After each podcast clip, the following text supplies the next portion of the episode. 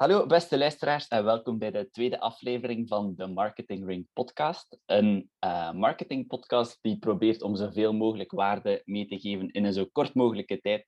Uh, dus geen podcast meer van drie kwartier tot anderhalf uur, uh, waar je de hele tijd naar moet luisteren om een klein beetje waarde mee te krijgen. Nee, bij de Marketing Ring proberen we zoveel mogelijk waarde aan jullie mee te geven binnen ongeveer 20 minuten.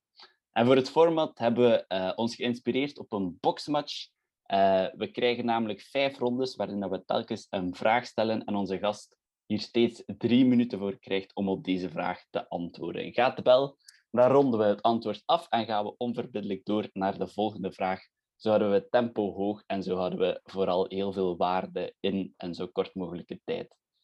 We vliegen er onmiddellijk in met onze gast van vandaag. Voor deze aflevering heb ik namelijk een knaller van gast te pakken gekregen.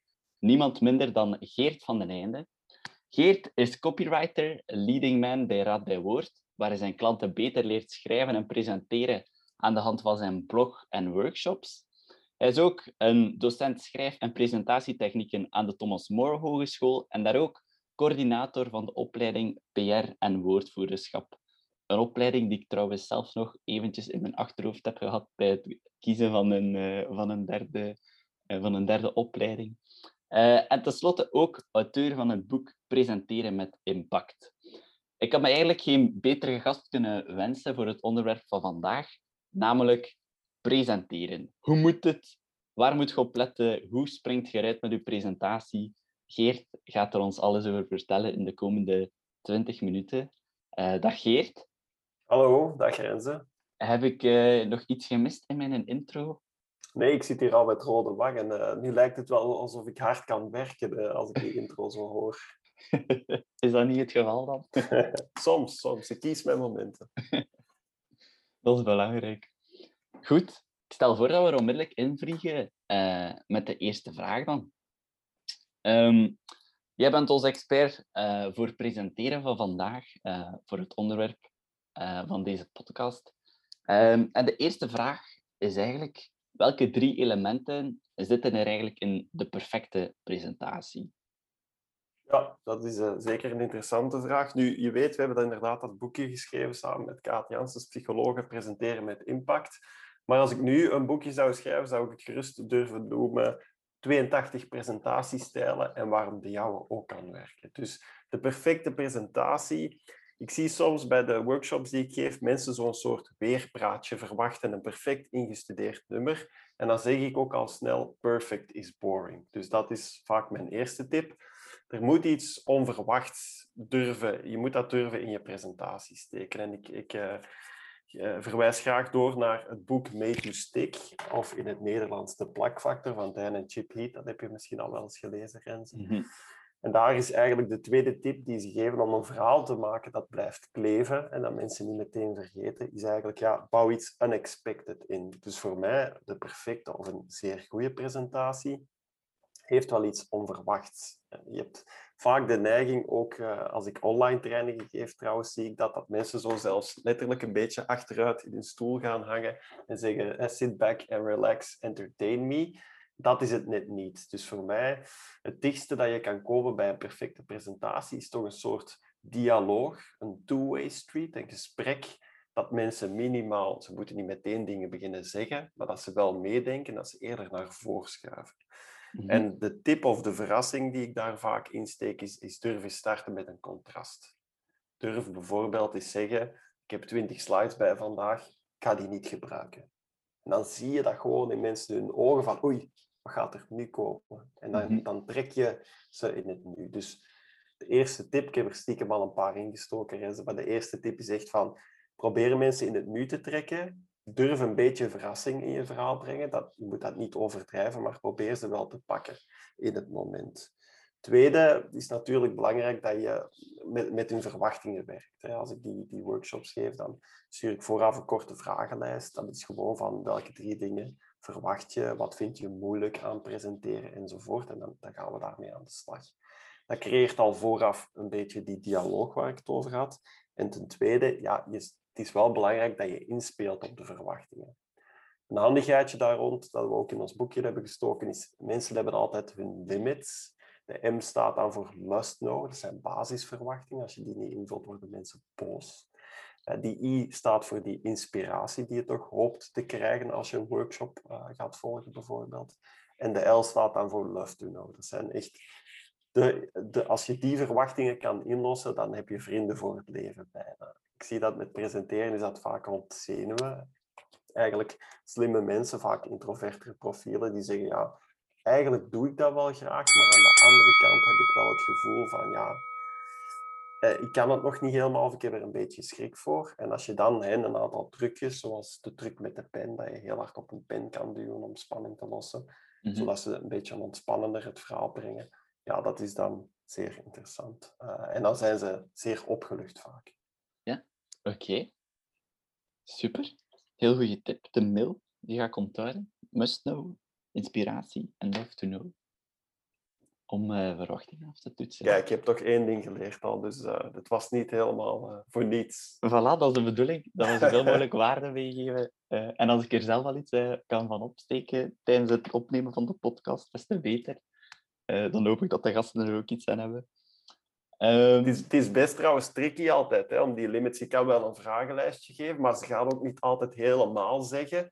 Uh, wat ik heel vaak zie in workshops, is dat ze na de workshop komen ze nog even iets zeggen van ja, ik vond het wel goed, of maar ik zit hier nog mee. En dan kom je vaak echt pas tot die, dat is ook wel typisch Belgisch, denk ik, dat je ook na de presentatie uh, pas echt tot de essentie soms komt voor een aantal uh, mensen. Maar dat is wel leuk ook. Ja. -hmm. Ik ga onmiddellijk door naar de, naar de tweede vraag.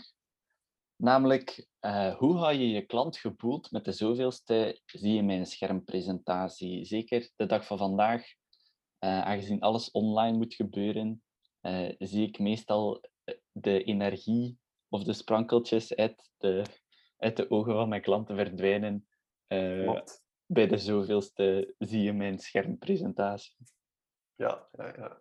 Hoor je me? Hoor je me? Dat is ook zo'n typische. Ja, online presenteren is echt wel een, een andere discipline. Um, heel belangrijk daarmee te geven is denk ik dat je online presenteren veel korter, denk ik, beter doet. Dat zijn ook, mm -hmm. Er zijn nu een aantal mensen daar heel hard mee bezig. Bijvoorbeeld de Floor is Yours hebben daar nu een, een boekje over geschreven rond online presenteren. Die zeggen ook van ja, hou het zo kort mogelijk. Focus, net zoals in deze boxmatch een beetje, op de essentie.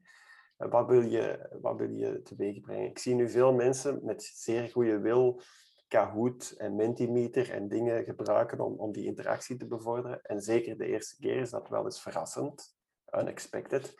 Maar als mensen dat al een paar keer gedaan hebben, dan gaan ze ook inderdaad geërgerd zijn. Dus ook niet te veel overdrijven, misschien beter korter maken, misschien een mm -hmm. beetje anders structureren. Ik weet niet, ik heb net een webcast opgenomen voor Sephora rond verrassend presenteren. En ik vond het wel interessant, want ik wist het niet uh, tot uh, twee maanden geleden, dat ze bij Amazon, we don't do PowerPoint. En daar werken ze echt gewoon op een document in volzinnen, in, in titels en, en tussentitels. Dus als ze een normale presentatie geven, gaan ze daar in stilte een six-page memo lezen.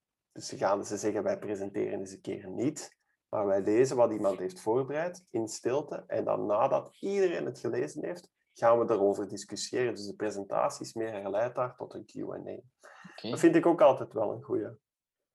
Dat je inderdaad zegt, hè, dat, zo kan je de volgende presentatie ook eens beginnen. Als het qua context klopt en qua verwachtingen, zou je perfect kunnen zeggen van kijk, ik ga eens beginnen met mijn laatste slide, de Q&A. Welke vragen hebben jullie over het onderwerp? En dan ga je ook zien dat mensen klassiek naar voren schuiven en zeggen, ah, dit of dit of dit. En dat je misschien op een veel organischere manier je, je verhaal kan brengen of, of, of de discussie kan houden. Dat kan uit de hand lopen, hè? dus er is een soort risico aan verbonden. Mm -hmm. Maar je voelt wel dat iedereen opnieuw veel meer betrokken zal zijn op dat moment. Eigenlijk moet je een beetje risico nemen om de spanning erin te houden.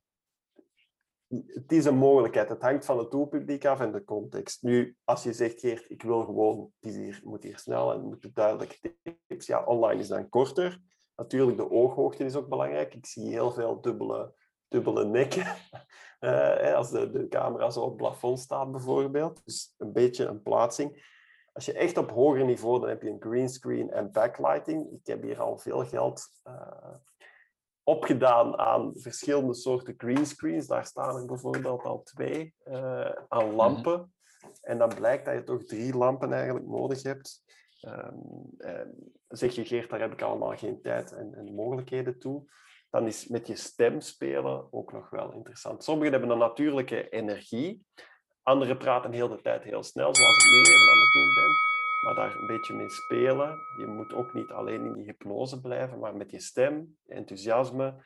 Je moet de lach eigenlijk een beetje in je stem durven leggen af en toe. En met een zekere dialoog en spanning creëren wel iets wat mensen zin krijgen in je presentatie. Ja, oké, fantastisch. Uh, misschien nog een kleine bijvraag. Um, speel je of probeert je zelf ook in te spelen op, um, op de reactie van je klanten? Dus als je zo wat in de, in de vakjes dan nog ziet die je over hebt als je eenmaal gaan presenteren bent, of dat ze zo wat, of dat ze ge, geïnteresseerd zijn, bezig zijn, en heb je daar nog tips om hun aandacht erbij te houden als je die wat ziet vervagen? er zijn natuurlijk wat klassieke pappenheimers in een, in een presentatie, of het nu online is of, of, of in real life. Mensen vallen weg hè, tijdens de Dat is zeer normaal. Je kan niet heel de tijd super geboeid. Dit, is de menselijke geest ook, dat je af en toe, of er wordt iets gezegd en je denkt aan iets anders en je bent even, of er gebeurt iets buiten of zo. Dus je voorziet best een aantal trucjes om mensen terug in je verhaal te krijgen. Hè. Je, kan dat perfect doen. Ik zeg wel bijna in elke presentatie wel eens ik begin redelijk snel met, met waarom, waarom zijn we hier? Ik, durf ook, ik heb ooit mijn studenten verplicht om op hun tweede slide altijd waarom of why te zetten, zodat ze zelf een antwoord al eens formuleren op waarom zitten we hier vandaag. Maar als je dan de tour de table doet en dan mensen vraagt van wat wil je zeker vandaag leren, dan probeer ik ook altijd minstens één keer ruzie te zoeken met iemand. En ik zeg dat dan ook. En dan zie je iedereen terug in dat verhaal kruipen. Dus niet alleen het feit dat iedereen al in het begin ijsbrekergewijs eens kan vertellen wat ze vandaag willen leren, maar ook het feit dat je, dat je wel eens zegt van ik ga af en toe jullie challengen of een ruzie zoeken. Ik probeer minstens één keer, dan moeten ze vaak lachen en dan, dan, dan, maar dan zitten ze ook wel even terug in het nu. En dat zijn een aantal, zo zijn er een aantal mogelijkheden om tijdens de presentatie terug even ja, die, die spanning op te zoeken. Opnieuw, het ergste wat er kan gebeuren is dat je gewoon een weerpraatje instudeert en komt vertellen. Ehm, dat, dat is net, het, vind ik, het, de magie een beetje aan een presentatie. Het is altijd anders, omdat je publiek ook anders kijkt, anders reageert of andere dingen zegt. Mhm. Oké. We zitten al aan de derde vraag. We zijn al uh, halverwege. Ehm, wat zijn de belangrijkste dingen om op te letten bij het maken van uw presentatie? Dus vooral bij het gebruiken van slides dan en niet per se het, uh, de Amazon-presentatie, waarbij je een, uh, een A4'tje aflevert. Klopt. Um, de grootste fout die ik nog altijd zie, ik moet wel toegeven dat dat eerder bij de 40-plussers is. Is misschien een beetje ageism, maar is zeker niet altijd zo. Maar de grootste fout die ik zie, is dat mensen alles op hun slides willen zeggen. Eh, zetten. Dus heel vaak, en dat is een beetje contrasterend, hebben ze een goed briefingdocument gemaakt of, of hebben ze een aantal dingen neergeschreven. En dan denken ze, shit, we moeten ook nog een PowerPoint maken en ik heb niet meer zoveel tijd. Dan gaan ze, ik zie het nog ook bij mijn collega's soms, bij Thomas Moore, dan gaan ze toch zeggen, door die tijdsnood of onzekerheid, ik ga gewoon, om, te kunnen de studenten of dat kunnen de mensen in het bedrijf niet kwaad zijn, alles wat we willen zeggen, gaan we in tekst op slides En dan lezen ze het bijna voor en af en toe hebben ze er een slechte foto of een slecht beeld bij gezet. En daar word ik nog altijd kwaad van. Ik vind, als je een goed, goed, goed briefingdocument hebt, hou dat zeker, maar je kan perfect tegen, tegen mensen zeggen van lees dat. Maar als je zegt, oké, we gaan slides maken, dan wil ik echt wel dat je nadenkt over je beeld, je invalshoek, je metafoor. En in ons boekje zeggen we dan ook wel eens brainstorm met een bomma. Dat betekent dan, probeer ook eens met iemand buiten je bubbel na te denken van hoe kunnen we het simpeler maken, dat mensen begrijpen waar het over gaat. Ik heb een mooi voorbeeld. In de Sephora-training online had ik iemand van Renewy. Hè. Renewy, die werken rond recycled. Die kunnen dan een mission statement, die kan aan de tweede slide, wij zijn Renewy, wij doen dit en dit. Maar ze had het voortraject gevolgd met de filmpjes, waarin ik dan hen aanmoedigen om toch eens op een andere manier te, eh, te, starten. En ze zei van, ja, wij werken eigenlijk rond dit. En ze liet een sinaasappel zien. En met die sinaasappel, als je die hebt opgegeten, je kan dat gewoon in de GFT-bak gooien. Of wij, je kan dat via ons tot 20 nieuwe producten verwerken. Bijvoorbeeld poetsmiddelen enzovoort. Dat is eigenlijk wat wij doen bij Renewing. En op het einde van haar presentatie kwam ze daarop terug, liet ze die appel zien of die sinaasappel terugzien. En dat, dat onthouden mensen. Dat is een trucje, mhm. gewoon door een beeld, door iets door hen te grijpen en niet gewoon de mission statement af te lezen. Ga je, ga je de volgende dag gaan die dat perfect kunnen navertellen. Dus uh, ja, daar, daar moedig mensen altijd wel aan. Ze zet niet alles in ze, uh, op de slides. Zet misschien eens een vraag op je slides. Gebruik een goed gekozen metafoor of een voorbeeld. Dat is wel belangrijk. Wat je daar ook, de oefeningen die je daar ook best altijd maakt, is als je het nu, stel je voor dat je 20 minuten mag presenteren en de andere presentatie loopt uit. Dat is niet helemaal onrealistisch vaak. En je hebt eigenlijk nog maar vijf minuten, want mensen moeten door en zo. Als je dan kan zeggen, oké, ik had eigenlijk 20 minuten, maar nu in die vijf minuten, hè, als ik maar één ding mag zeggen, of als ik drie dingen mag zeggen die ik zeker wil dat je meeneemt. Dus als je die hiërarchie kan maken, als je dan in je eigen verhaal kan duidelijk maken van eigenlijk is dit het belangrijkste, of dit zijn de drie belangrijkste dingen. Ook dan maak je veel meer impact met een presentatie dan dat je gewoon denkt, ik had 20 minuten, ik ga gewoon heel mijn 20 minuten af, af, af rammelen of, of vertellen. Mhm. Dat is zeer moeilijk, hè? maar dat, dat is wel een tool. Dat, dat, dat wil ik wel, ik wil die lat hoog leggen, dat je daar baas, meester bent over je eigen verhaal. Ja, toen dat je zei de grootste fout uh, die ik vooral zie gebeuren bij oudere collega's, dacht ik dat je ging zeggen word art gebruiken. Klopt. Ik heb het nu niet over die visuele power gehad. Ik raad veel mensen uh, Canva aan. Canva is niet perfect, maar geeft vaak qua, heeft honderden gratis templates en geeft toch vaak een soort qua lettertype is dat ook vaak een probleem bij sommige mensen. Gewoon een krachtig lettertype kiezen. En bij canva.com heb je dat. Krachtige mhm. lettertypes, een aantal beelden, templates. En ja, het moet niet gratuit zijn, het moet passen in je verhaal. Ik zeg ook altijd, probeer samen te werken met iemand die, die complementair is, die misschien, als jij niet echt visueel ingesteld bent, ik ben dat niet, ik werk vaak ook samen met een vormgever. En dat kost wel wat meer geld of wat meer tijd, maar je gaat het met veel meer plezier en energie geven. En dat gaan mensen zien als het mhm. beter ook visueel is. Ja, goeie tip. We zijn al aangekomen aan de, aan de voorlaatste vraag. Um, je zit natuurlijk al enkele jaren in, eh, in het vak en, en bezig met presenteren. Hoe heb je het presenteren zien evolueren in de laatste 15 jaar? Ja, dat, is, dat is eigenlijk een heel positief verhaal. Hè? Dus ik, ik, ik ben 37 nu, ik kom van een generatie. Ik heb, ik heb denk ik twee presentaties gegeven in heel mijn schoolcarrière. En nu zie je dat, dat natuurlijk studenten dat die, die nemen al zelfs uh, video's op in, in secundaire school, soms zelfs in de lagere school, dat ze al met die Prezi of Canva of met andere, dat ze daarmee experimenteren. Ook die tools, je kan perfect een goede PowerPoint maken. Trouwens, je, het hangt niet van de tool af, maar ze experimenteren, ze oefenen. Malcolm Gladwell spreekt dan vaak over de 10.000 uur oefenen. Hè, dus practice makes perfect, uh, test dingen uit.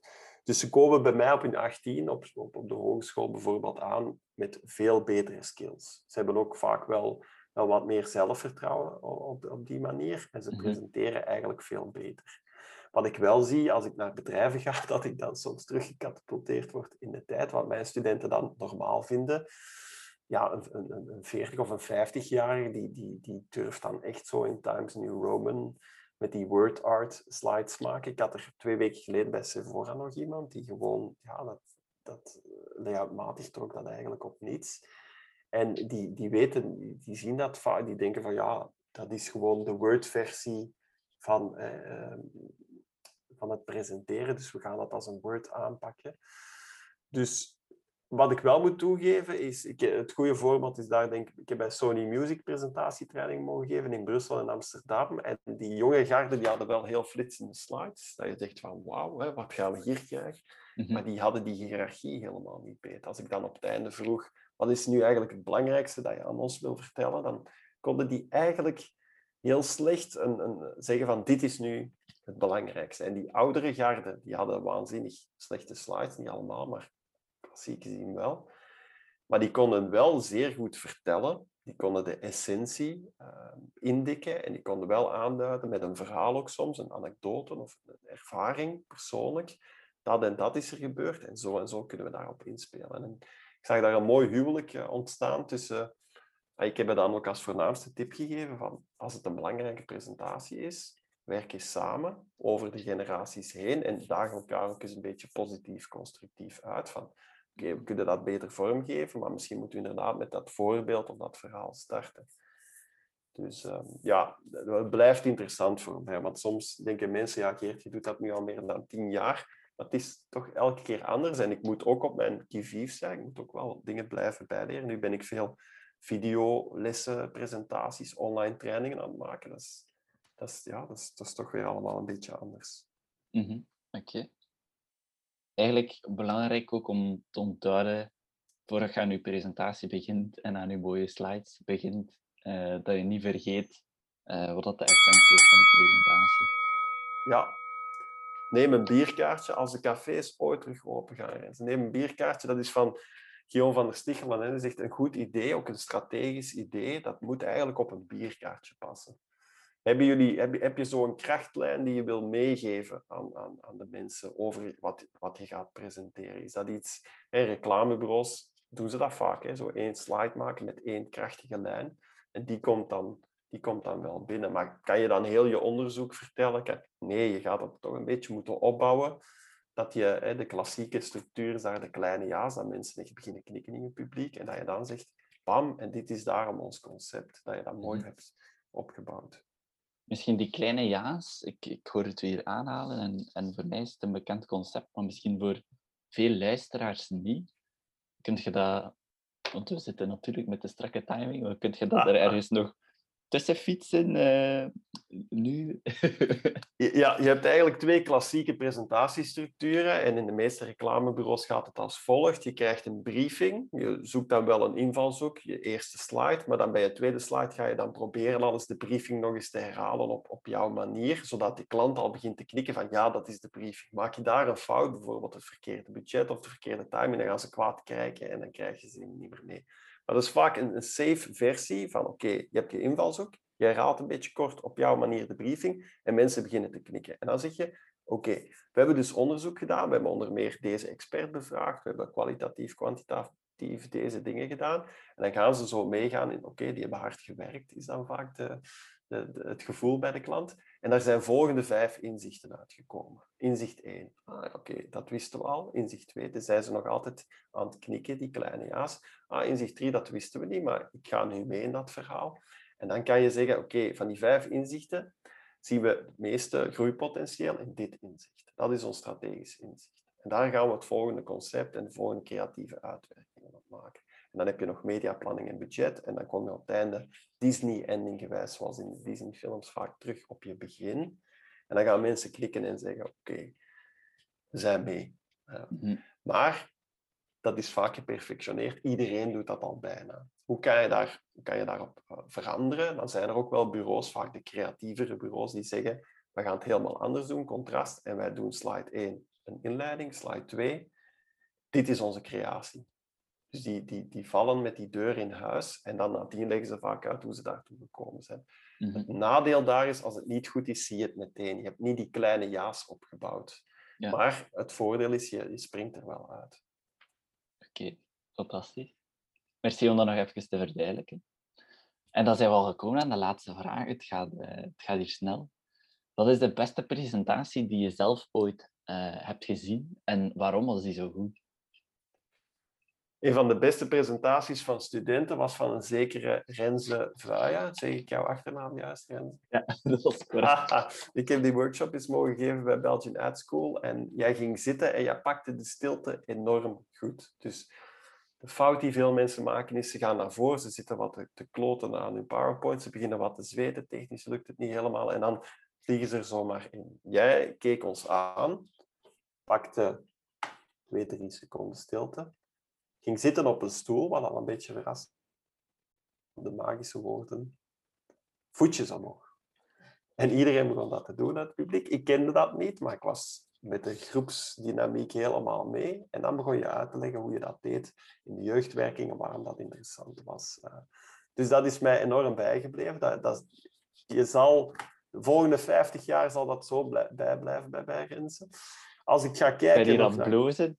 Haha, kijk. Nee, maar het- ik meen het. Ik meen het. Het geeft mij nog altijd een, een enorm goed gevoel, omdat je daar ook voelde van die groep, er gebeurt iets in die kamer. En dat vind ik heel belangrijk. Mhm. En als je dat dan, als het niet gewoon een gimmick is, maar je bouwt het in in je verhaal, dan, dan, dan heb je voor mij eigenlijk al gewonnen, die eerste minuut. Ehm, groter, eh, voor een groter publiek ook, was Malcolm Gladwell voor mij, heb ik echt ja, zitten kwijlen eigenlijk op mijn stoel met mijn mond open. En dat was op die Creativity World Forum in Hasselt. Dat is, eh, Malcolm Gladwell een journalist, schrijver van een aantal zeer goede boeken ook. En dat was Creativity World Forum goed aangepakt door Flanders DC. Dus, dus een, een groot podium met een enorme wall. Dat was in 2011 of zo. Dus, dus dat was 40 meter aan een soort green key wall, waar allemaal presentaties op verschenen. En hij kwam op en dat was ja, op echt gras hadden ze daar gelegd op dat podium. Dus dat gaf wel een leuke sfeer. Hij kwam op en hij zei iets in de trant van ja, ik heb hier een aantal slides voorbereid, een presentatie, maar ik ga die niet gebruiken. Steve Jobs is vorige week overleden. Ik heb een artikel gepubliceerd in New Yorker waar ik eigenlijk zeg dat hij niets uitgevonden heeft in zijn leven. En daar wil ik het met jullie eens graag over hebben. En je voelde die consternatie natuurlijk, want als Mhm. iemand sterft, niemand is heiliger dan wanneer ze sterven. En hij had dat een beetje met dat contrast gespeeld. En hij zei toen in de geest trouwens van Steve Jobs, die ooit een hele goede commencement speech heeft gegeven, met three stories eh, als structuur. Zei ik heb drie verhalen voor jullie. Mijn eerste verhaal. En dan vertelde hij het verhaal van Steve Jobs, die in Xerox Park was uitgenodigd terwijl aan de Lisa-computer aan het werken was, die eigenlijk gingen failliet gaan. Dat, dat kwam niet van de grond. En hij kreeg daar in Xerox Park in Silicon Valley, in een Research and Development Department, kreeg hij te zien een rijdende schoendoos. Hij zei, ja, wat is dat eigenlijk? En dat was de voorloper van de muis. Dus dat je kon klikken op je computer. En hij heeft dat idee meegenomen, geperfectioneerd. Gezegd, we stoppen met wat we nu bezig zijn. We gaan een nieuwe computer maken en we gaan als eerste met die muis naar buiten komen. Dat is het eerste verhaal. Dat heeft Steve Jobs ook toegegeven. Waarom ik vind dat Steve Jobs een tweaker is en geen uitvinder. Mhm. Mijn tweede verhaal. Dus dat was geen slides. Eh, dat, is, dat is echt een, een grote storyteller. Ehm, nu, ik ben daar gevoelig voor. Hè. Ik, ben, ik ben natuurlijk, ieder, iedereen is daar anders in. Ik ben natuurlijk een sucker for a good story. Maar eh, ja, dat was fantastisch. Oké. Ik, ik was zelf al helemaal geboeid. Hm. Is er, eh, staat, die, staat de presentatie ergens op YouTube? Kunnen we die ergens vinden? Of? Ik vrees ervoor. Ehm, ja, zijn, ik heb het ook al eens gezocht. Zou, het zou leuk zijn. Ik heb, ik heb het nog niet gevonden. We hebben er wel in ons boekje heb ik dat helemaal uitgeschreven, die, die techniek, want dat is natuurlijk ook wel een trucje. Het kan goed zijn dat die Malcolm Gladwell, net als ik, denkt van ik kan eigenlijk visueel helemaal niet zo goed slides maken en ik heb geen tijd om, om daar of, of geld of, of zin om daar heel eh, vormgever heel hard op te laten werken. Dus ik ga het zo aanpakken, maar het werkt enorm goed met zijn, met zijn verhaal. Hij is natuurlijk een verhalenverteller. Ja, van, ja het was echt eh, om kippenvel van te krijgen. Oké, dus eh, allemaal het boekje presenteren met impact gaan halen. Waar kunnen mensen dat, uw boek kopen, Geert? Ja, dus, dus via Akkoop. Maar je hoeft dat zeker niet te kopen. Als ik één boek mag aanbevelen, dan zou ik die Made to Stick of de plakfactor aanbevelen. Of lees inderdaad eens een boek als je beter wil worden in storytelling. Lees eens een boek van Malcolm Gladwell. Eigenlijk elk boek. Hij heeft nu Talking to Strangers. Elk boek van hem is een, is een masterclass in, in, in betere verhalen vertellen. Zeg je, Geert, ik ben een ingenieur, ik moet geen verhalen vertellen, ik wil alleen cijfers. Dan nog zeg ik, dan probeer ik vandaag met jou ruzie te maken. En dan nog zeg ik, ja, toch ook een ingenieur. Had op een slimme manier verhalen en cijfers combineren om impact te maken. En het voorbeeldje daar geef ik altijd is Hans Rosling. Dat was een, een, een onderzoeker, die heeft toen... Um, dat moet je maar eens opzoeken, de, de Magic Washing Machine. Dus die heeft een, wasmachine gecombineerd met armoede in de wereld en heeft zijn verhaal, moeilijk verhaal vol cijfers, op die manier impact laten maken. Dus uh, ook dat, daar verwijs ik graag naar terug. Mochten de luisteraars nog vragen hebben, kunnen ze me altijd vinden via LinkedIn en, en verwijs ik hen graag door. Oké, fantastisch. Heel erg bedankt om uh, te gast te zijn hier in de podcast vandaag, Geert van den Einde. Um, en nog heel veel succes in, uh, in alles wat je doet en nog heel veel uh, presentatieplezier in de toekomst. Dag, dankjewel Renzen. Jij bedankt. Heel graag gedaan. En uh, beste luisteraars, bedankt om te luisteren en hopelijk tot de volgende. Ciao, ciao. Dag.